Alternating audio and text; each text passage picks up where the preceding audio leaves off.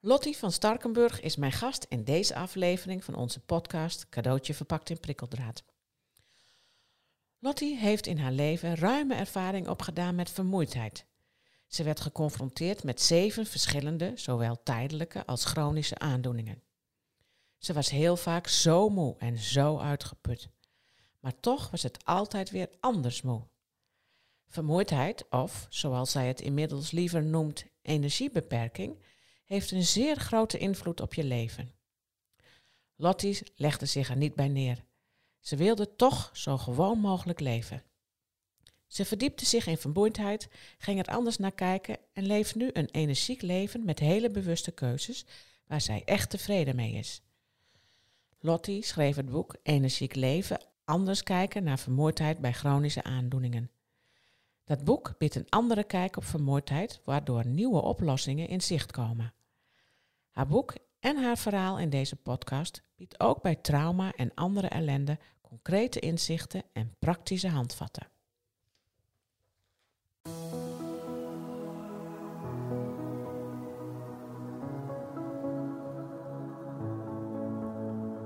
Dit is de podcast Cadeautje verpakt in prikkeldraad met Greet Vonk. Moeilijke tijden zijn ook cadeautjes, hoe lastig ze ook zijn. Helaas zitten ze wel verpakt in prikkeldraad. In deze podcast willen we je inspireren en kennis aanreiken, waardoor je een andere kijk krijgt op de ellende van jezelf of van iemand anders. Met als uiteindelijk doel om een completere versie van jouzelf te worden en of om dat proces bij de ander te ondersteunen.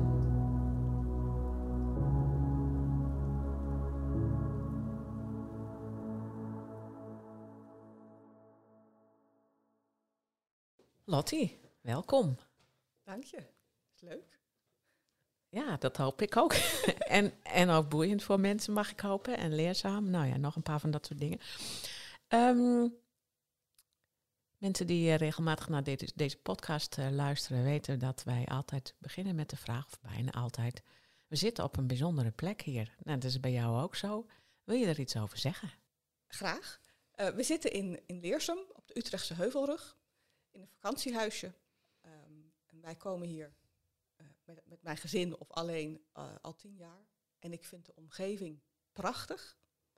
En ik merk dat het iedere keer weer iets met mijn energie doe. Ik, terwijl ik dit vertel, zit ik ook door het raam naar buiten te kijken, naar de bomen, waarvan ik weet, oh, ik ga straks weer lekker wandelen. Dus dit is voor jou een hele ontspannen omgeving? Een hele ontspannen omgeving. Ik hoef ook niet meer na te denken over wandelroutes, want ik ken ze allemaal in de omgeving. Natuur doet iets met mij. En zeker bomen. Dus ik vind het heerlijk om hier te zijn. Oké, top. Nou, uh, dat, uh, dat dat zo is, hè? dat natuur iets met je doet en dat dat uh, uh, ja, fijn voor de mensen is dat voor heel veel mensen natuurlijk fijn, maar voor jou is het extra belangrijk, want jij hebt um, ja, toch wel een groot probleem gehad en eigenlijk nog wel met vermoeidheid. Daar, um, dat heeft een aanleiding. daar heb je uiteindelijk ook een boek over geschreven, daar gaan we het over hebben. Maar misschien wil je eerst vertellen van ja, wat is de aanleiding? Hoe ben je eigenlijk, hè, waarom was jij zelf zo moe en hoe ben je ertoe gekomen om dat boek te gaan schrijven? Het idee voor het boek is vier jaar geleden ontstaan. Um, ik uh, was moe, heel moe. Uh, ik had wat ik nu long non-COVID noem. Ik had een, een, virus gehad en uh, mijn immuunsysteem reageert daar soms raar op. Dus ik heb daar heel lang last van gehad, heel veel last van gehad. Ik kon op dat moment zelf bijvoorbeeld geen boek lezen. De concentratie daarvoor, dat, dat ging gewoon niet. Uh, heb ja, maandenlang eigenlijk vooral op de bank gelegen. En voor het eerst, dat was niet de eerste keer dat me dat gebeurde. Ik heb verschillende chronische ziekten gekregen de afgelopen jaren. Het uh, was ook niet de eerste keer dat ik door een virus uitgeschakeld was. Uh, maar voor het eerst had ik geen werk op dat moment. Ik had geen jonge kinderen geen studie. Dus ik had eigenlijk voor het eerst tijd om na te denken over wat, wat gebeurt er nou eigenlijk met me. En ik herkende heel veel van de vorige keren, maar het was ook weer anders. En ook dat was eigenlijk een soort bekende ervaring. Ik heb wel eens gezegd, ik ben moe geweest in alle kleuren van de regenboog. Iedere keer als ik ziek werd, dan zei ik, hoorde ik mezelf zeggen, ik ben zo moe. Maar het was iedere keer anders. En het had ook niks te maken met normale vermoeidheid. Maar ik had gewoon helemaal geen taal om te vertellen wat er met me aan de hand was. Ehm, en toen lag ik op de bank. En ik kon daarover nadenken. En toen ben ik woorden gaan geven aan, aan vermoeidheid. En uh, daar ben ik ook met uh, lotgenoten over gaan praten. Mensen die. Uh, vermoeidheid is een probleem wat heel veel voorkomt. Um, je kunt eigenlijk geen, geen langdurige of chronische ziekte bedenken waarbij mensen niet moe zijn. het gaat over mensen die, die um, reuma hebben of diabetes hebben of een andere chronische ziekte. Het gaat over mensen die, die kanker hebben gehad. Zelfs jaren na een succesvolle behandeling blijven mensen heel moe. Soms, gelukkig niet iedereen. Um, het gaat over mensen die infectieziekten gehad hebben. Je hebt het natuurlijk nu met, met corona, zie je dat gebeuren. Maar het is een heel bekend fenomeen van mensen die na Pfeiffer of na Lyme heel veel uh, vermoeidheidsklachten houden. Uh, het gaat ook om mensen met niet aangeboren hersenletsel. Je kunt eigenlijk niet verzinnen of mensen blijven er moe van. En ik heb zelf ook een heel aantal van die smaken de afgelopen 25 jaar mogen ervaren.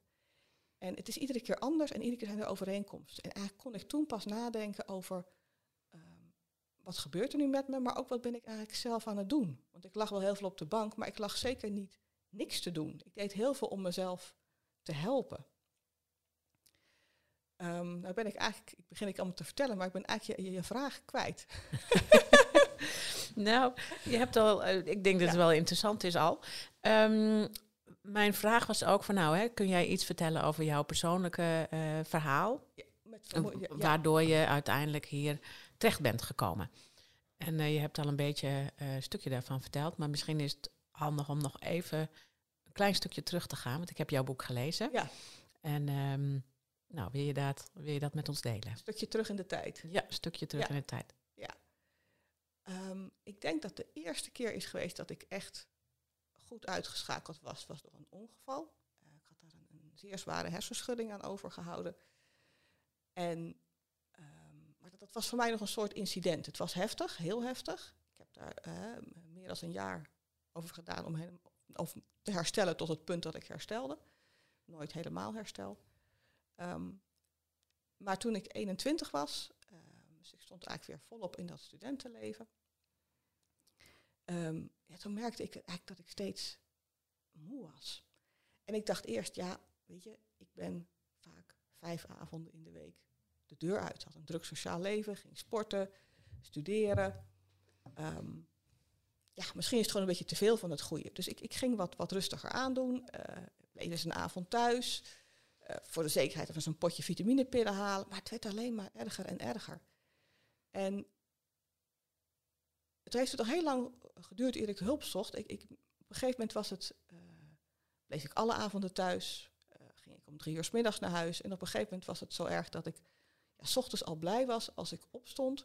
En ik kon een kopje thee voor mezelf zetten voordat ik me volledig uitgeput voelde. En toen dacht ik, ja, het wordt alleen maar erger. Het is echt iets.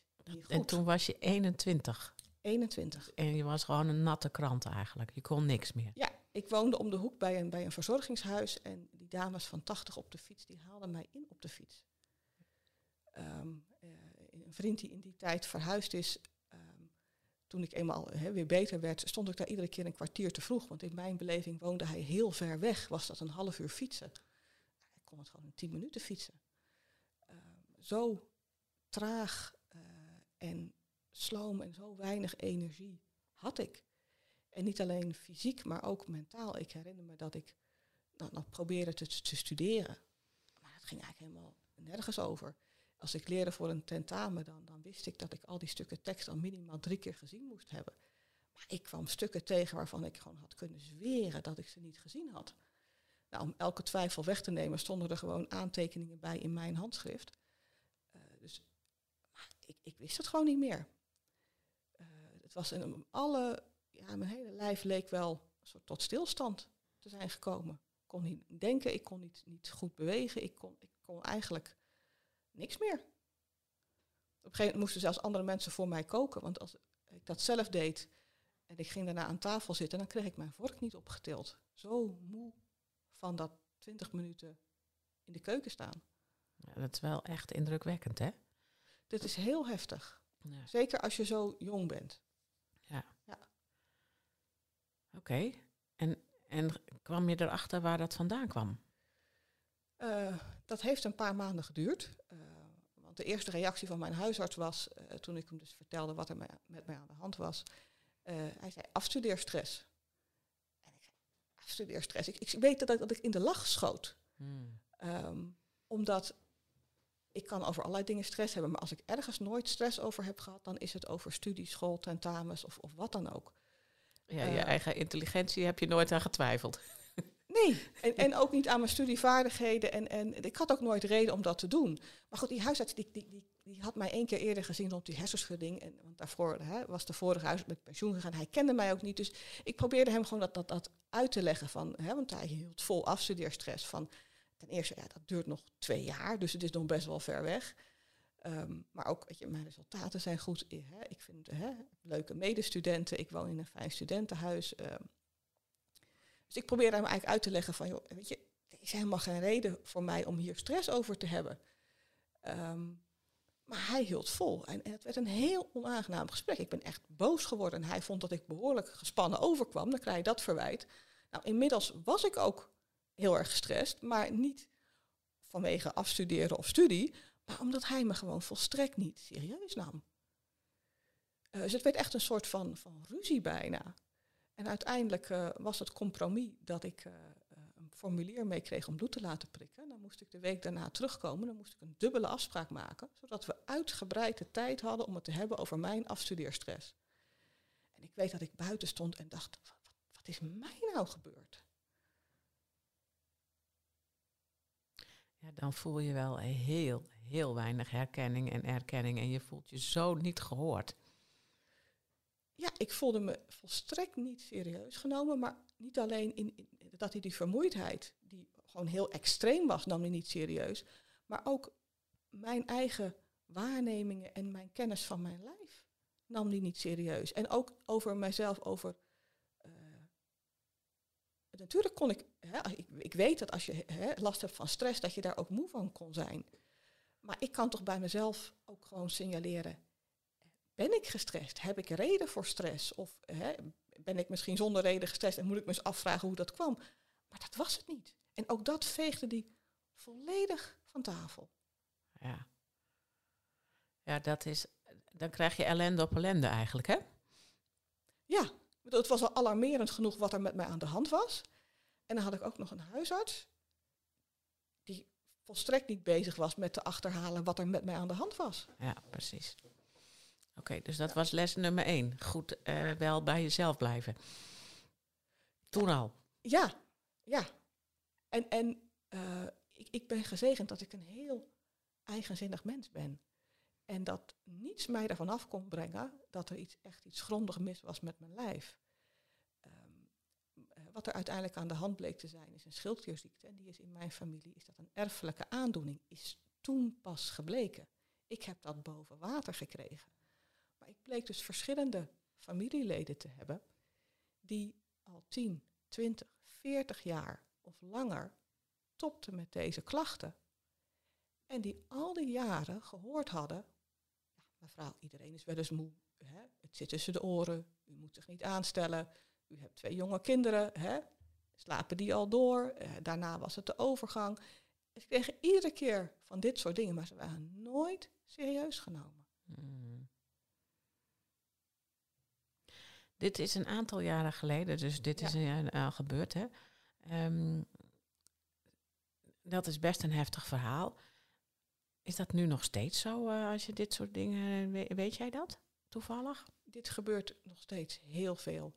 Uh, ik kan iedereen aanraden om het boek van Mirjam Kajer te lezen. Die heeft laatst een boek gepubliceerd. Dat heet Ik ben geen man. Wat er eigenlijk over gaat hoe met name vrouwen die met wat dan heet vage klachten uh, die vermoeidheid was voor mij volstrekt niet vaag, maar zo wordt dat dan genoemd. Uh, gewoon keer op keer worden afgescheept. Um, het is mijzelf, uh, het is niet een incident. De, de volgende keer dat er weer iets met mij was, was weer de eerste reactie stress. Of onverwerkte rouw. Of hè, slapen je kinderen eigenlijk al door. En dan kan ik zeggen hè, dat mijn kinderen een klokje rondslapen. Maar toch hè, ben ik, blijf ik dan de moeder met jonge kinderen en die zijn allemaal moe. Um, en dat, ik heb het om me heen gezien bij collega's, um, uh, bij eh, familie, bij vrienden. Het is iedere keer hetzelfde liedje. En ik heb een geluk gehad dat ik zo jong was toen eh, dit gebeurde. Eh, en dat het zo. Uh, ontstaan meestal heel langzaam. En bij mij is het eigenlijk in een half jaar gegaan, wat voor een schildklierziekte heel snel is. In een half jaar tijd van vrijwel normaal functioneren naar inderdaad het punt dat andere mensen voor mij moesten koken omdat ik anders mijn vork niet meer op kon tillen. Um, dus toen mijn huisarts mij eenmaal doorverwezen had, de, in het ziekenhuis was er wel een soort van alarm. We moeten wel uitzoeken wat hier aan de hand is. Um, want dit gaat niet goed. Um, maar als dit langzaam ontstaat en ik was 50 plus geweest, dan denk ik dat ik er helemaal niet door was gekomen. Uh, dat het op de overgang was gegooid, dat misschien wel een, diagnose vroegtijdige dementie was geweest. Omdat ik ook zo me zo slecht kon concentreren, zoveel vergat, um, dat ik dan zo'n diagnose had gehad. Ja, dat is wel. Ja, dus dan heb je eigenlijk, wat jij zegt, mazzel gehad dat je het zo op zo'n jonge leeftijd kreeg, waardoor ja, dat soort argumenten er allemaal gewoon niet waren. En ik, ik heb om me heen gemapt hoor, want het is de vierde arts geweest die uiteindelijk de diagnose heeft gesteld. Um, en ik heb bij de, ja, dat was de vierde as, bij de derde, die wilde nog allerlei aanvullend onderzoek. En inmiddels had ik zelf uh, genoeg redenen voor mij om aan te nemen dat het dat was, dat het een schildklierziekte was. En ik heb zelfs dus andere onderzoeken geweigerd en gezegd, ik wil eerst een, een, second opinion, want ik denk wel dat het die schildklier is. En uh, dat was een heel prettige, het was een artsenopleiding, een heel prettige man. En die heeft want die had zoiets van, ja, een second opinion, dat gaat maanden duren, want dan moet je weer een verwijzing enzovoort. En die heeft toen, heeft hij als arts de second opinion uh, aangevraagd. Want dat ging veel sneller. Ah. Ja.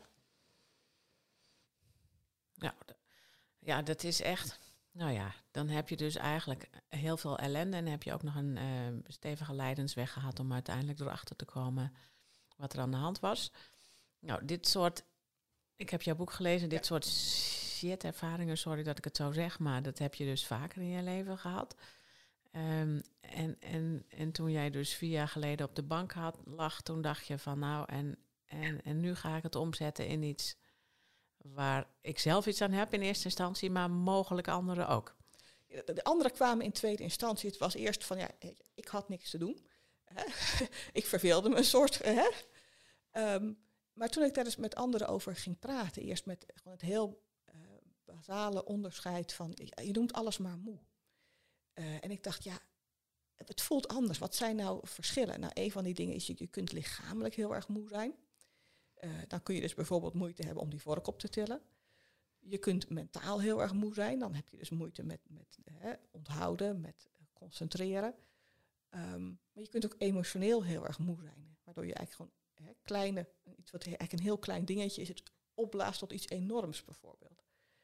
En um, de ene ziekte doet het een met je en de ander doet het ander. En sommigen doen alle drie. Dat zijn de naarste. Um, maar toen ik dat dus, dus met een aantal vrienden uh, nou ja, dat benoemde, was er zo'n onmiddellijke herkenning. Van ja, dat herken ik. En ik ben vooral die smaak moe. Uh, en toen ik dat nog verder uit ging werken, merk ik dat het heel veel ook met andere mensen deed om te kunnen vertellen wat er met je aan de hand is. Um, voor begrip naar anderen toe. Ik zeg ook zelf nooit meer dat ik moe ben of last heb van vermoeidheid, want dan reageert iedereen met ja, iedereen is wel eens moe. En dat is ook waar. Alleen, um, je kunt ook zeggen, iedereen heeft wel eens pijn. En dat is ook waar. Iedereen stoot wel eens zijn teen. Iedereen heeft wel eens een, een drukke dag. Aan het eind van de dag heb je hoofdpijn. Maar als je je been breekt of je hebt migraine, dat is natuurlijk van een totaal andere orde. En daar hebben we woorden voor. Maar met vermoeidheid gooi je alles op één hoop. Maar dan, als je dat voor pijn hetzelfde zou doen, um, wat, wat zouden mensen dan zeggen? Ja, iedereen heeft wel eens pijn, maar ook neem een paracetamolletje, dan is het opgelost. En 9 van de 10 keer, dan werkt dat paracetamolletje. Alleen die 10% die nou echt medische hulp nodig heeft, die is er niet met dat paracetamolletje. Die doe je dan tekort. En dat is eigenlijk wat we met vermoeidheid ook doen. Dus ik probeer zelf het woord moeten uh, te vermijden en te praten over energiebeperkingen. Uh, en dan hoe specifieker, hoe beter. Ehm, en, maar het is niet alleen voor dat stuk begrip, maar het is ook voor wat doe je er nou mee? Want als je geen woorden hebt, kun je er ook niet over nadenken. Dat ik hier ben in die omgeving met al die prachtige bomen, ehm, ik noem dat uh, omgevingsenergie. De energie van, de, voor mij maakt het uit of ik gras of bomen om me heen heb, of, of wat voor groep mensen ik om me heen heb. Dat heeft invloed op mijn energie.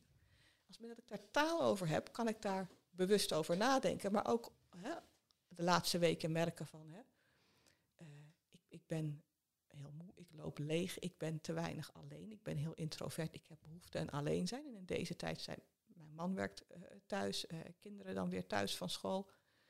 Ik moet even ergens anders heen. En dan juist zo'n mooie omgeving, dat maakt verschil, dat doet dingen met mijn energie.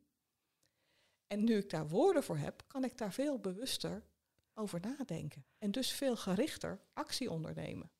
Ja, precies. Want dat is wat ik heel mooi vond in jouw boek. Hè? Want jij zegt, zegt ergens, en dat sluit ook denk ik heel mooi aan bij, bij eh, ons onderwerp posttraumatische groei. Dat je kunt, uh, ja, sterker kunt worden van ellende. Nou, dat heb jij wel gedaan. Hè? Je hebt er een boek over geschreven.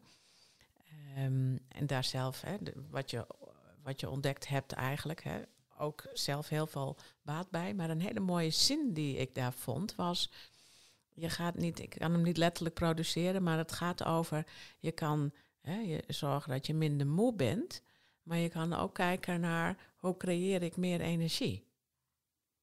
Wil je daar eens iets over zeggen? Want het is een heel subtiel verschil, maar het is een heel belangrijk verschil. Dat lijkt heel erg op het gedachtegoed waar wij ook mee bezig zijn. Je kunt altijd kijken naar je klachten, maar um, het is soms veel slimmer om ook te kijken naar welke krachten heb je. Nou, hoe werkt dat precies bij, bij vermoeidheid, dat subtiele verschil? Het is een subtiel, maar het is ook een heel belangrijk verschil. Want als je probeert de vermoeidheid op te lossen, dat is een recept om te falen. Uh, want iedereen is aan het eind van de dag moe. Als je niet moe bent aan het eind van de dag, dan heb je niet geleefd die dag. Um, en die, die vermoeidheid is ook eigenlijk dan niet het probleem wat voor mij veel meer het probleem is, is dat ik niet de energie soms heb om de dingen te doen die ik belangrijk vind. Of dat nou iets met mijn kinderen doen is, of dat voor mijn werk is, of dat hè, met vrienden en familie lol maken is, dat maakt niet uit. Ik mis de energie om die dingen te doen. En dan is de vraag veel productiever van waar krijg ik energie van? Het richt je blik op, op totaal andere dingen. En bedoel, ik, die bomen, die uh, genezen mijn schildklierziekte niet. Maar ik krijg er wel meer energie van. Uh, die schildklierziekte is ook ongeneeslijk. Hè? Dat niet aangeboren hersenletsel wat ik heb als gevolg van die hersenschudding, dat gaat niet weg. Uh, maar ik kan wel overal energie vandaan halen. En dat blijkt verrassend goed en verrassend veel, op veel manieren te kunnen. Kun je daar wat voorbeelden gaan ge van geven? Wat, wat jij door, nou ja, door, door op die bank te liggen, allemaal uh, bedacht had en ontdekt hebt. En je hebt heel veel geëxperimenteerd. Hè? Want um, ja, dit is niet een, een standaardweg, daar gaan we straks nog op terugkomen. Ja. Maar wat heb je zo al ontdekt waar ook mensen iets aan zouden kunnen hebben? Um, nou, een van de dingen die ik zelf heel veel toepas is, is um, heb ik afgekeken van mensen met, met heel veel energie. Je hebt, iedereen kent in zijn omgeving van die mensen die echt gewoon jaloersmakend veel energie hebben. Um, ik ken bijvoorbeeld iemand die de hele dag op zijn werk allerlei computermodellen maakt. En in de avonduren en in het weekend zijn hele huis verbouwd heeft. Dus dan echt van nou ja, s ochtends 7 tot s avonds 11 bezig is. Uh, of iemand die werkt als koerier en dan s'avonds um, de, de tennisclub draaiend houdt. Met bardiensten en allerlei dingen. En wat die mensen eigenlijk doen, die doen niet de hele dag hetzelfde, maar die wisselen verschillende soorten inspanning af. En het advies wat je heel vaak krijgt is, je moet meer pauzes nemen. Ik heb een pesthekel aan pauzes. ja, ik heb allerlei dingen die ik graag wil doen. Ik wil niet de halve dag in de pauzestand staan. Um, dus wat ik doe is, um, ik, voor dit gesprek ben ik gaan wandelen dan ben ik lichamelijk bezig. En nu zit ik en kan ik met jou een gesprek voeren en ben ik bezig met mijn hoofd. En na dit gesprek zal ik moe zijn van uh, mijn aandacht erbij houden en wat wil ik nou vertellen. Dan ga ik straks weer lekker wandelen, want dan komt dat hoofd tot rust uh, en ben ik lekker in beweging. En zo ik kan ook een half uur hier op de bank gaan liggen. Werkt ook. Dan zit ik een half uur in die pauze. Ik vind het veel fijn, door het zo af te wisselen, door verschillende taken af te wisselen, heb ik veel minder pauzes nodig, terwijl ik toch veel meer gedaan krijg. Dus eigenlijk, ik, soms uh, als ik in, voor een zaal sta, dan geef ik een demonstratie met uh, een glas water. Als je dat met gestrekte arm vasthoudt, binnen een minuut begint je arm te trillen. Als je het doorgeeft van je ene arm naar je andere arm, ga je het een uur volhouden. Uh, omdat terwijl de ene arm het vasthield, kan de andere ontspannen. En maar dat werkt ook tussen je hoofd en je lijf. Dus ik probeer dat zo heel slim uh, af te wisselen, waardoor ik eigenlijk uitrust terwijl ik bezig ben. Ja, precies. Dus dan ontspan je door inspanning. Ja, ja door een andere inspanning. Ja. ja. Ja, precies. En zo kom je eigenlijk heel goed de dag door. Vaak wel. Ja. Niet altijd. Ik slaap ook wel eens middags hoor. Dat, dat zijn uitzonderingen voor mij, maar het gebeurt wel. Ja. Soms is het gewoon te veel, maar met dit soort dingen kan ik heel veel energie naar me toe halen. Ik merk dat bijvoorbeeld ook uh, als ZZP'er kom ik op allerlei plekken. En van sommige werkomgevingen is een team en daar hangt een sfeer. Ik krijg daar energie van. Ik heb één cluster, ga ik altijd met meer energie weg dan ik kwam. En natuurlijk ben ik dan wel moe van wat ik die dag gedaan heb, maar ik kan de, de dag daarna kan ik zo verder. En er zijn ook omgevingen die mij leegtrekken. Uh, en als ik dat weet, dan zeg ik tegenwoordig gewoon nee. Want dat, dat is, uh, uh, ik, kan me dat eigenlijk gewoon niet permitteren. En dat hoef ik ook niet te doen. Waarom zou ik? Ja, precies. Dit zijn wel mooie voorbeelden eigenlijk. Heb je nog meer van, want, want we hebben, ja, in dat boek heb je nog een heleboel leuke dingen ja. geschreven. Zijn er nog meer van dit soort hele simpele, eigenlijk hele concrete dingen waar mensen hun voordeel mee kunnen doen? Er zijn er een heleboel. Ik, ik heb hè, elf strategieën beloof ik in mijn boek. Um, wat denk ik ook een, een uh, wat ik aansluit bij die omgeving hier. Uh, balans is, is een, uh, een sleutelwoord. Je kunt niet meer dingen doen dan waar je energie voor hebt. En mensen gaan heel vaak dingen schrappen, gaan dingen minder doen, hè, enzovoort.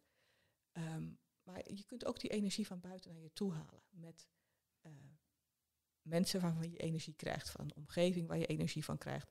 Maar denk ook aan deze, al die donkere dagen die we nu hebben. Heel veel mensen hè, voelen zich daardoor minder energiek. Uh, daglicht is belangrijk. Dus ik probeer, ik heb mijn bureau bij een groot raam staan. Uh, maar als het dan zo'n duistere dag, dagen is geweest en de zon schijnt, dan ga ik langer wandelen. En dan probeer ik juist ook, ook als ik smiddags heb liggen slapen, dan toch even dat half uurtje buiten in de zon te pakken. Want dat doet dingen op mijn energie. En omgekeerd ook donker, om goed te slapen, is belangrijk dat het donker is. Dus ik heb thuis verduisteringsgordijnen.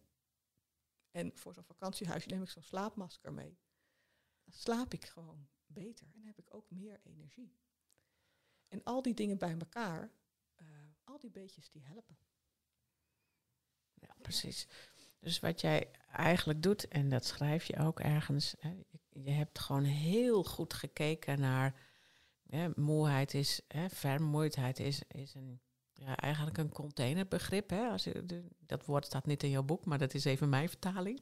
Het is eigenlijk een containerbegrip van een heleboel verschillende vormen van vermoeidheid, of eigenlijk liever anders geformuleerd, vormen, vormen van energie die je meer of minder hebt. En, um, en daar heb je in detail heel erg naar gekeken van nou wat helpt wel en wat helpt niet. Ja, wat helpt wel en wat helpt niet. En um, dat laat ook heel duidelijk zijn. Kijk, um, een goede behandeling voor die ziekte die eronder ligt is van essentieel belang. Daar begint het mee.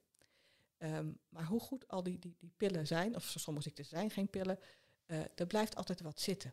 En mijn boek gaat over de rest. Niet als vervanging van, nee. maar als aanvulling op. Uh, en dat gaat dus over energie naar je toe halen. Maar het gaat bijvoorbeeld ook over um, het precies maken van uh, waar nou dat energielek zit. Maar vooral ook waar het niet zit.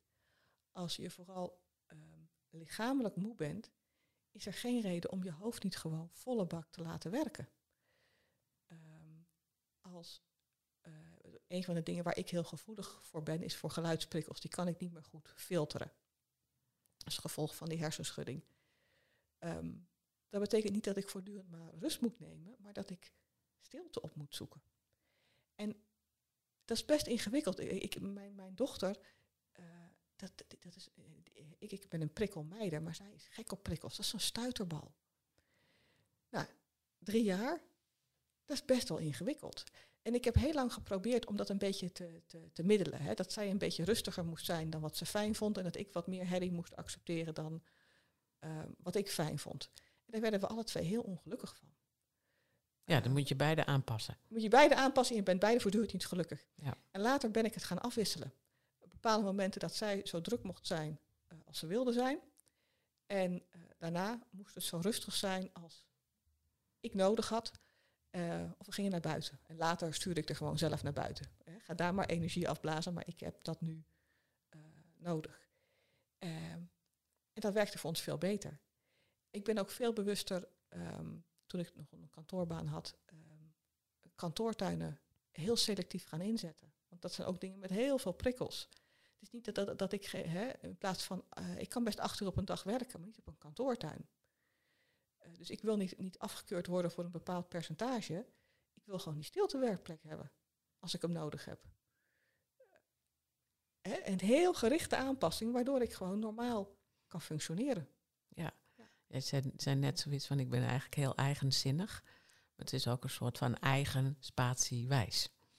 Ja, ik gebruik het woord eigenzinnig omdat ik ooit tegen eh, een huisarts verzucht heb, een andere huisarts die ik net beschreef. Ik, had gedoe met mijn specialist en ehm, eh, ik verzuchtte tegen hem, ja, ik zal wel eigenwijs zijn, maar ik wil, ik wil echt niet wat hij eh, voorstelt. En hij corrigeerde me en zei, je bent niet eigenwijs, je bent eigenzinnig. Dit is belangrijk voor jou en hier sta je voor. En ja, dat, dat is zo'n positieve manier om erbij te kijken. Ik denk dat je dit vanuit PTG-denken direct herkent. Dus sindsdien noem ik het consequent eigenzinnig, ook als eerbetoon aan deze huisarts. Ja.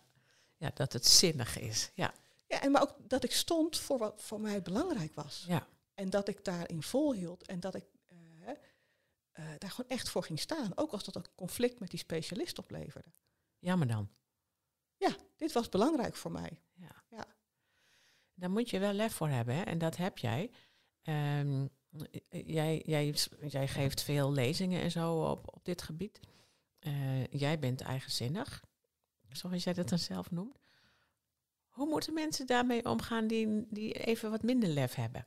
Of moeten ze dat dan maar kweken? Hoe, wat adviseer jij? Eh, Als jij lezingen geeft, wat adviseer jij dan?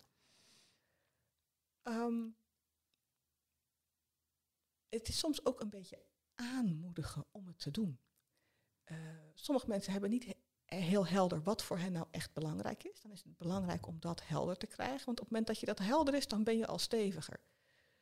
Ehm, maar ook om het te blijven benoemen. Kijk, die, specialist vond mij lastig. Want ik, wilde niet, ik ging niet mee in zijn verhaal. Ehm, en ik ging mezelf daardoor ook lastig voelen. En die huisarts eh, maakte mij heel duidelijk, je bent niet lastig. En als ik deze verhalen vertel, dan realiseren mensen zich ook, ja, wacht eventjes. Ik ben niet een, een, een lastig dwarskind wat eh, eh, niet kan overzien dingen. Ik ben een volwassene en ik vind iets belangrijk en daar ga ik voor staan. En dat is echt niet makkelijk de eerste keer. En ik adviseer mensen ook vaak van, neem iemand mee of schrijf op waarom het voor jou zo belangrijk is. Als je het niet goed kan vertellen, nou laat iemand het dan maar lezen. En ik zeg ook vaak, nou weet je, als je er gewoon met deze arts niet uitkomt, ontsla hem.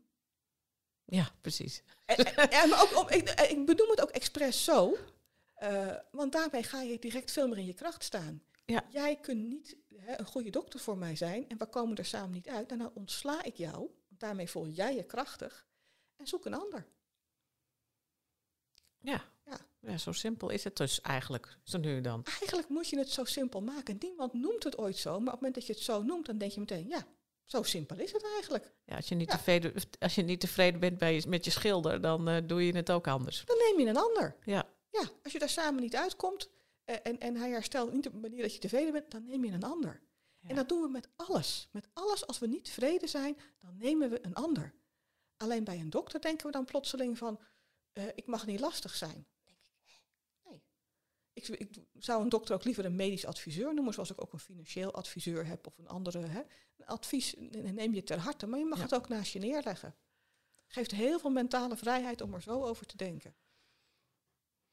Ja, ik vind het wel. Ik vind het mooi om te zien de, de, de passie ook waarmee je dit uh, naar voren brengt. Het heeft natuurlijk ook een reden, hè? want dat, dat, dat geef jij ook aan. Hè? De, de, um, en daar ben jij helaas niet de enige in.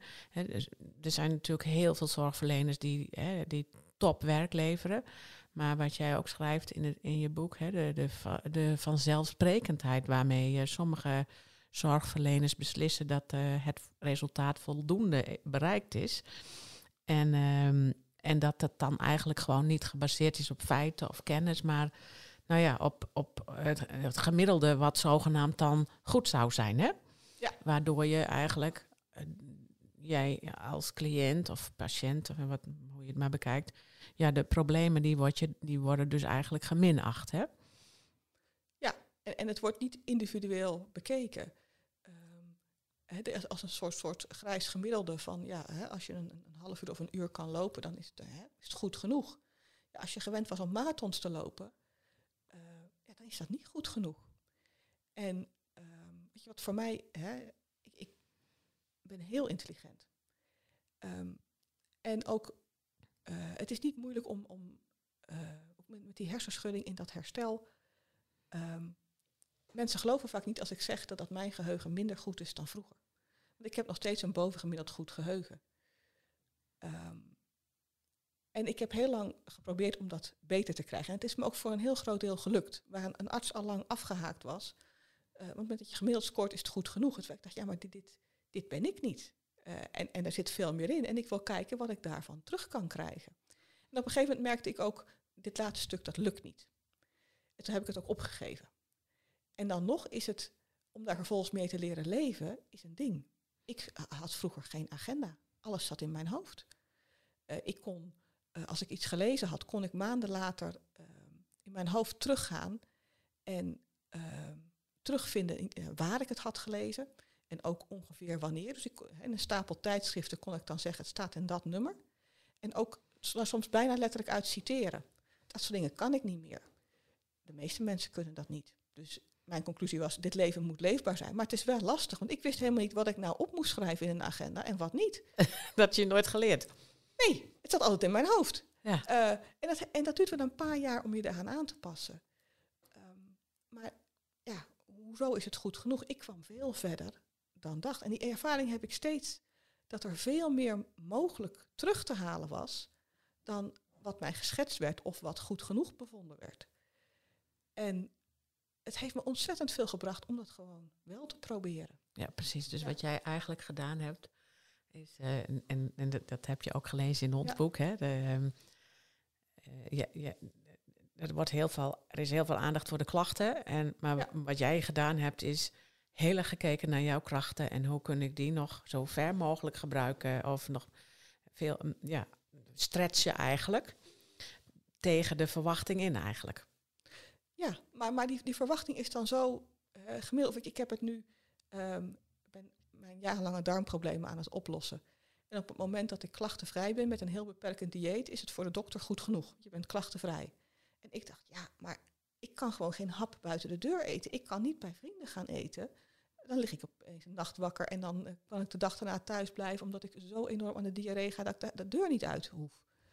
Um, en we weten hoe het is gekomen. Ook hè, nou ja, 16 jaar lang, nee hoor mevrouw, het ligt niet aan wat u eet, het is stress. En ik heb 16 jaar lang gezegd, het is geen stress, het ligt wel aan wat ik eet.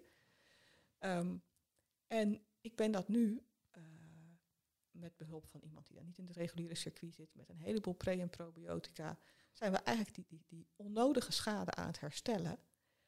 Um, en dat betekent dat ik nu een, uh, een kop tomatensoep buiten de deur kan eten, wat ik dus een half jaar terug nog niet kon.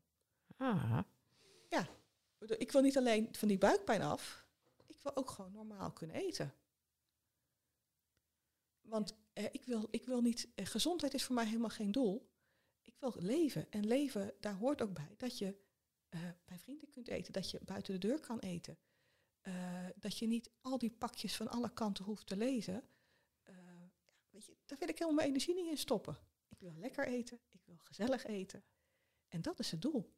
Ja, precies. Ja, ik mag hopen dat gezondheid ook wel een doel is, maar in, termen, in, in termen van optimaliseren. Maar niet, niet, niet als doel, maar als middel eigenlijk. Voor mij is het een middel. Ja. En een middel wat ik heel serieus neem, want hè, bedoel, als je gezondheid niet goed is, heeft dat heel veel dingen impact. Ja. Maar ook in de keuzes die ik maak. Ik stikte medicijnen en volgens de dokter was dat goed genoeg. Mijn bloed was goed en ik zou er zonder problemen 80 mee werden. Ehm, maar ik dacht, ja, ik heb geen leven meer. Ik kan me nog steeds nauwelijks concentreren op mijn studie. Ik vergeet nog steeds van alles. Lichamelijk gezien ben ik opgeknapt. Maar ik wil dat mijn hersenen echt beter functioneren dan dat. Ik had inmiddels uitgevonden dat er wel degelijk een andere behandelingsoptie was. En ik heb toen letterlijk tegen hem gezegd, want hij wilde daar niet aan. Eh, want het was experimenteel, eh, zo noemde hij dat. En eh, daar kon ik allerlei gezondheidsproblemen mee krijgen op lange termijn, dus dan 60 plus. En ik heb gezegd, ja, maar als de keuze is tussen nog 60 jaar op deze manier verder, of 40 jaar min of meer als mezelf en een min of meer normaal leven leiden, en dan 20 jaar dikke ellende of een vroegtijdige dood, dan kies ik het laatste.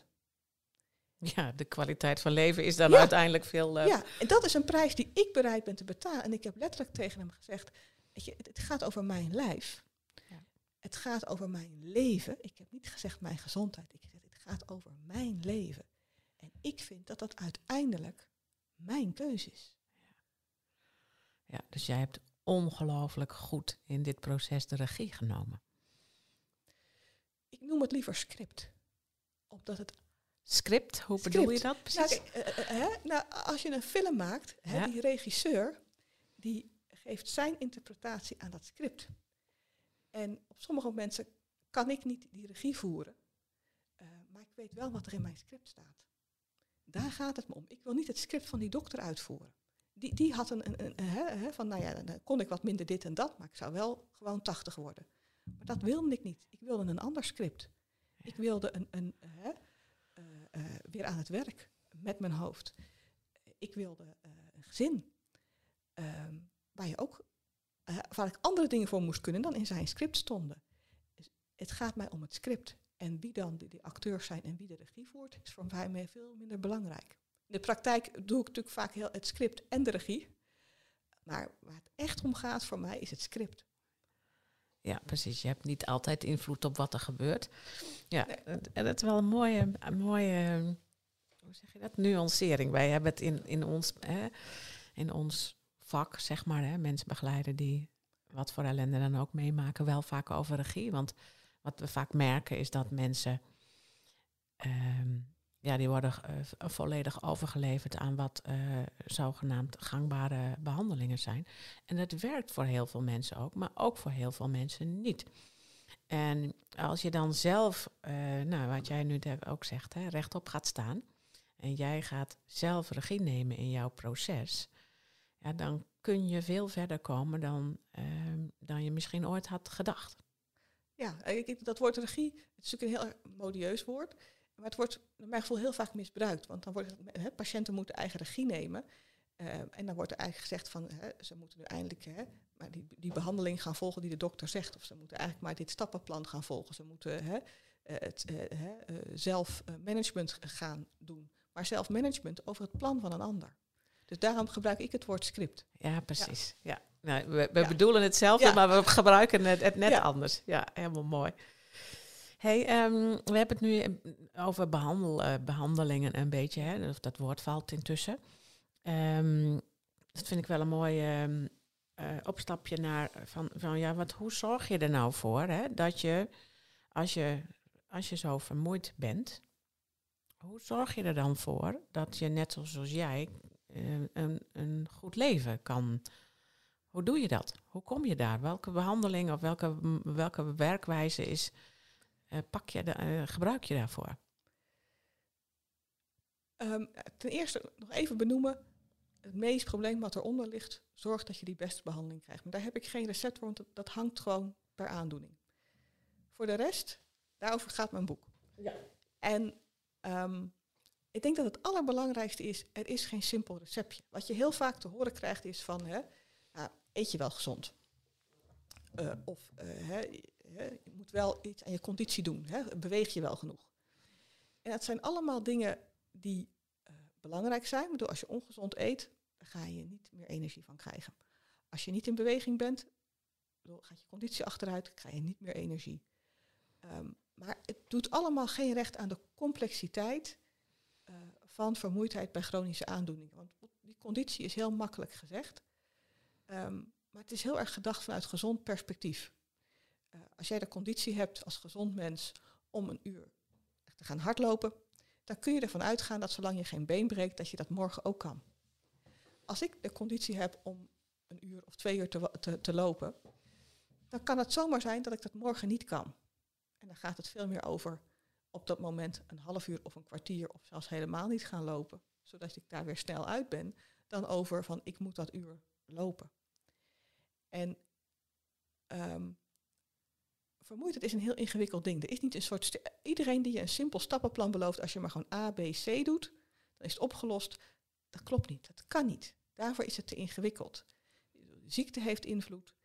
Uh, de, de, uh, je hele omgeving heeft invloed. Waar je mee bezig bent heeft invloed. Al die dingen hebben invloed.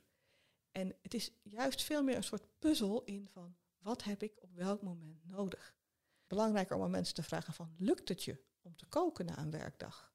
En als dat niet lukt omdat je dan te moe bent, kun je dan ervoor zorgen dat je toch gezond eet. Dat is een, al een heel andere vraag. Ja, precies. Maar dus juist dat, dat, dat steeds die, die, die stuurmanskunst daarover gaat. Ik benoem het in mijn boek als elf strategieën. Uh, maar daarna komt eigenlijk de vraag, welke heb ik op dit moment nodig? Het is er nooit één, maar welke drie heb ik op dit moment nodig? Ja, dus eigenlijk wat je zegt van, het is gewoon maatwerk en het is per minuut, bij wijze van spreken, kan dat verschillen. Misschien niet per minuut, maar wel van, van dag tot dag ja. is, het, is het verschillend. En het, de kunst is om daar steeds op in te spelen, om te merken, dit is wat me nu energie kost. En, uh, maar vooral je energiebronnen te kennen en die elke dag weer naar je toe te halen. Ja, dus als jij, hè, wat jij zegt, net van heel veel manieren van begeleiding of benadering, die gaan uit van gezonde mensen. Hè. Je moet uh, gezond eten, of, of, dat is aan te raden. Je moet bewegen, je moet dit, je moet dat. Maar in sommige momenten, in, op sommige dagen, lukt dat gewoon even niet. En wat dan? En daar heb je dus die elf strategieën voor ontwikkeld, zodat mensen dan heel gericht met zichzelf kunnen uitzoeken wat werkt wel en wat werkt niet. En dat is niet van het ene op het andere moment geregeld. Dat kost tijd om dat voor jezelf uit te zoeken. Dat is echt voor je een maatwerktraject, zeg maar, met jezelf. Ja, en, en, en dat is een blijvend proces. Want wat ik eerder vertelde over mijn dochter hè, als, als peuter. Het is nu een, een puber, een tiener. Ze wordt vijftien over twee weken. Uh, dat vraagt weer andere dingen. Dat doet andere dingen met mijn energie. Dit is, dit is een, een puber die af en toe ook vreselijk kan mopperen. Uh, en daar dat kan mij heel veel energie kosten. Dus soms stel ik daar grenzen aan. Dat is een heel andere situatie dan met die, die peuter. Het is steeds opnieuw kijken, want mijn hele situatie verandert. Hè, peuters of tieners maakt een groot verschil. En dus dat doet andere dingen met mijn energie, maar dan moet ik ook andere dingen mee doen. Ja, dat, daar heb je je hele leven, ben je daar, uh, moet je daar dus eigenlijk wel bij bepaald zijn als je chronisch vermoeidheidachtige klachten hebt.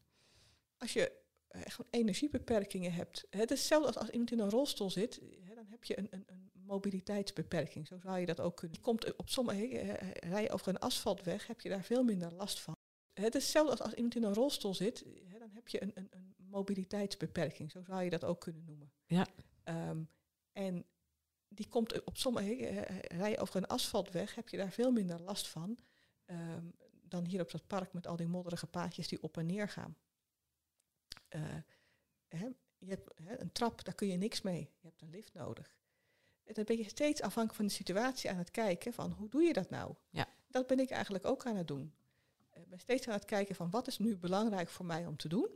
Uh, wat niet belangrijk is, doe ik niet. En dat blijkt veel meer niet belangrijk te zijn dan je afhankelijk denkt. En dan is de vraag van, uh, wat heb ik nodig om dat te kunnen? Welke hulpmiddelen, hè, wat is mijn lift om er te komen? Ja, precies. Dat is ook een. Um, is dat een soort tweede natuur geworden nu voor jou om er zo naar te kijken, om er zo mee om te gaan? Ja, het is een tweede natuur geworden. En sinds ik het boek heb geschreven, kan ik er ook veel beter taal aan geven. Van, van uh, wat ik doe, wat ik nodig heb. Uh, jij vroeg me voor zo'n webinar en ik kan nu gewoon veel directer zeggen, ja, avonden, dat is voor mij een probleem. Of de ene avond gaat het goed, de andere avond niet. maar dan betaal ik de rekening de dag daarna. Vind ik soms ook niet erg, want doe, doe ik dat gewoon. Hè. Dan is het een afgewogen keuze. Uh, maar ik ben daar ook gewoon makkelijker in geworden om dat gewoon aan te geven. Zo kan ik het wel, zo kan ik dat niet of moeilijk. Ja, precies. Even voor de luisteraars, je begint over een webinar. Um, binnen onze e-learning community ga jij een webinar uh, geven. En uh, ook mensen die niet in de e-learning community zitten, die kunnen daar aan mee gaan doen. En uh, als je, mocht je geïnteresseerd zijn, kijk dan even op Sterker door Ellende onder uh, sterkerdoorellende.nl onder het kopje opleidingen. En daar vind je alle webinars en ook die van Lottie. Um, ik heb nog een paar dingen waar ik eigenlijk ook nog wel even aandacht voor wil hebben. Vind je dat oké? Eén ding viel mij heel erg op in het boek. En, dan, en daar staan de, de gemiddelde Nederlander, denk ik, eh, niet zo heel erg bij stil. Is dat um, um, ja, als je meer, um, minder energie hebt, dan heeft dat ook uh, een, een, ja, een bedreiging eigenlijk voor je identiteit en voor je gevoel van eigenwaarde. Wil je daar iets over zeggen? Graag, ja. Ik vind het een hele belangrijke. Uh, er wordt altijd heel erg minachtend over vermoeidheid gedaan. Iedereen is wel eens moe. En, hè. Maar waar het eigenlijk over gaat, is het gaat over mensen die niet de energie hebben om de dingen te doen die voor hen belangrijk zijn. Die niet de energie hebben, als je niet de energie hebt om met je kinderen te spelen. Om het werk te doen dat je hart heeft. Om plezier te maken met, met vrienden en familie. Wie ben je dan nog? Mm als je niet, dus niet de moeder, de partner, de, de vriendin, de, de, medewerker kunt zijn, de collega wil zijn die je graag wil zijn, dat, dat vreet aan je identiteit. Um, maar het geeft ook een voortdurend gevoel van tekortschieten. Um, en dat, ja, dat ondermijnt eigenwaarde enorm. En dan zeker nog als je hele omgeving um, eigenlijk zegt dat jij faalt. Als je nou maar gezond eet, als je nou maar naar de sportschool gaat, dan kun je dat allemaal wel. En zo werkt het niet als je een chronische ziekte hebt. Was dat maar zo simpel, dan, weet je, dan gingen we allemaal naar de sportschool, was het opgelost. Maar zo werkt het niet. Uh, maar dat, dat, dat kan echt aan mensen vreten. Ja, precies. Heb jij dat nu ook nog? Of is dat, is dat nu klaar? Of hoe, hoe, moet ik dat zien? Ik heb daar altijd relatief weinig last van gehad. Dat is weer die eigenzinnigheid en dat heel erg varen op mezelf. Maar ik merkte toen ik dit boek had geschreven, dat ik er echt helemaal klaar mee was. En uh, ik noemde net het voorbeeld van, hè, als je in een rolstoel zit, dan kan je niks met een trap. Um, en dan is gewoon de vraag, waar is de lift? Ik, ik heb beperkingen die net zo reëel zijn. En ik kan daar nu echt gewoon, gewoon volledig over voelen, jongens, waar is de lift? Uh, hè, ik verwacht, uh, niemand verwacht van iemand in een rolstoel dat hij even die trap oprolt. ook degene zelf niet. En ik, ik ben daar inderdaad zelf volledig klaar mee. Waar is de lift? Ja, dus, die, dus dat. Die, even toch nog door. Dat, dat identiteitsprobleem, ervaar, ervaar jij dat helemaal niet meer? Um, nee, dat heb ik. Uh, nee. Nee, ik, heb, uh, ben heel erg, eigenlijk vanaf het begin af aan uh, geleefd voor wat voor mij belangrijk was. Ik heb ook ergens besloten, ik wil mijn leven niet door angst laten leiden. Want op het moment dat er ook erfelijke aandoeningen in de familie zitten, is het best een besluit om kinderen te krijgen. En ik heb een fantastische man die heel veel mogelijk maakt. Die ook, wij hebben samen onze prioriteiten helder en daar leven we samen naar. Ik hij is in heel veel dingen is hij natuurlijk de flexibele schil. Op het moment dat mij een dag niet lukt, dan neemt hij het over. Um, maar ik, ik um, vind oprecht dat ik een heel fijn, leuk leven heb en dat ik toekom aan alles wat ik belangrijk vind. En soms zou ik best een beetje sneller en een beetje meer willen. Um, maar ja, dat lijkt me ook wel gezonde ambitie. ja, precies. Dat, heeft, dat hebben wel meer mensen. Ja, ja mooi. Ja. mooi. Hey, wat is um, een, een, hele belangrijke tip voor mensen die inderdaad door die vermoeidheid of die energiebeperking um, wel het gevoel hebben dat ze hun identiteit een beetje kwijt zijn geraakt. Wat zou jij dan nu zeggen van nou, eh, wat is handig om te doen? Moeilijke vraag, want het is altijd maatwerk. Mm -hmm. um, ik, ik, denk dat ik zou beginnen met, met van wat mis je, welk stukje mis je nu het meest van jezelf? En om te kijken of je daar in kleine stapjes dingen van toe kan voegen. Ehm, ja, dus eigenlijk vooral kijken wat is voor jou belangrijk. en, en, die positieve spiraal creëren. Ja.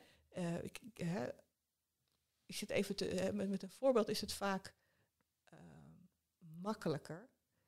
Ehm, wat je heel vaak ziet is dat mensen ook in een sociaal isolement komen. Uh, als spreken doen we vaak s'avonds in de avonduren, overdag werken we, dus dan spreken we s'avonds af met vrienden. Maar als je die energie niet hebt, eh, dan zie je dat daar vaak een kaalslag in komt. Als mensen ook nog arbeidsongeschikt raken of gewoon hun baan kwijtraken uh, en, en thuis zitten, dan krijg je nog meer minder sociale contacten. En voor veel mensen kan het een drempel zijn om dan bijvoorbeeld aan anderen te vragen van kunnen we overdag afspreken. Um, terwijl dat een hele goede eerste stap kan zijn om wel weer dat sociale contact te hebben, daar energie van te krijgen, je beter te gaan voelen en die positieve spiraal in gang te zetten. En misschien lukt het je s'avonds helemaal niet meer, ehm, ook na drie jaar niet. Maar dan heb je al een gewoonte om overdag af te spreken en dan blijkt dat heel vaak te kunnen. Het gaat soms ook om even die ruimte in te nemen en te zeggen van dit lukt mij niet uh, op dat moment, kunnen we het zo doen. Of um, ik, fiets bijvoorbeeld tegenwoordig uh, deels elektrisch mijn, mijn zoon van negen fietst mij eruit. En binnen onze woonplaats fiets ik op een gewone fiets. Want dat is ook goed voor mij. Maar als we lange stukken met het gezin fietsen, dan is het gewoon heel ontspannend voor mij om elektrisch te fietsen. Want dan hoeft niet voortdurend mijn hele gezin zich aan mij aan te passen. Hoef ik niet voortdurend op te letten van ga ik niet over mijn grenzen heen. Is dit niet een kilometer te veel? En zo kunnen wij als gezin op fietsvakantie. Dus dat is heerlijk. Uh, maar het is wel ja, zoeken naar hoe kan het wel in stappen. Ja. ja. Hoe kan het wel? Geweldig. Ja. Nee, ja, maar dat past natuurlijk heel erg ook bij hè, wat, wat, eh, welke mogelijkheden heb je nog en hoe kan je die ja. zo goed mogelijk inzetten. En, en misschien kom je er dan wel achter dat je veel meer mogelijkheden had dan je ooit bedacht had dat je had. Ja, en dat dingen op heel veel manieren kunnen. Ja. Dingen kunnen echt op heel veel manieren en die creativiteit kan je zo ver brengen door je af te vragen, ja, hoe, hoe kan het wel? Nou, ik denk dat dit uh, uh, wel een hele mooie, mooi gesprek was zo. Zijn er nog dingen waarvan jij denkt, nou, dat had ik eigenlijk ook nog wel heel graag even willen benoemen? Mij is dit een hele mooie afsluiter eigenlijk. Hoe kan het wel? Hoe kan het wel? Zullen we het daarbij laten? Ja. Hoe kan het wel? Dankjewel. Dankjewel voor het luisteren naar deze cadeautje verpakt in prikkeldraad podcast. We willen nog graag een paar belangrijke dingen met je delen. Als je enthousiast bent over deze podcast, dan zijn we blij met een review. Daarmee help je ons bij onze missie. Je kunt de podcast natuurlijk ook doorsturen aan mensen van wie jij denkt dat ze er ook iets aan hebben. Wil jij voortaan alle nieuwe podcastafleveringen overzichtelijk op een rijtje? Abonneer je dan op deze podcast. Heb je vragen of ideeën voor deze podcast? Behoor het graag. Je kunt een mail sturen naar info@sterkerdoorellende.nl of Greet Vonk een bericht sturen op LinkedIn. Zoveel mensen kunnen profiteren van een andere kijk op ellende. Het is daarom onze missie om PTG bekender te laten worden dan PTSS. Wil jij meer weten over PTG of bijdragen aan onze missie? Je kunt op onze website www.sterkerdoorellende.nl onze boeken bekijken en eventueel kopen, de e-learning bekijken, een gratis inspiratiesessie volgen, de PTG-vragenlijst invullen, workshops en opleidingen boeken. We hopen dat deze podcast jou heeft geïnspireerd, zodat je in tijden van ellende in jouw leven of werk Kies voor het positieve en hoopvolle gedachtegoed van PTG. Voor jouzelf, je familielid, je vriend, vriendin, collega, klant, voor wie dan ook. Tot de volgende keer.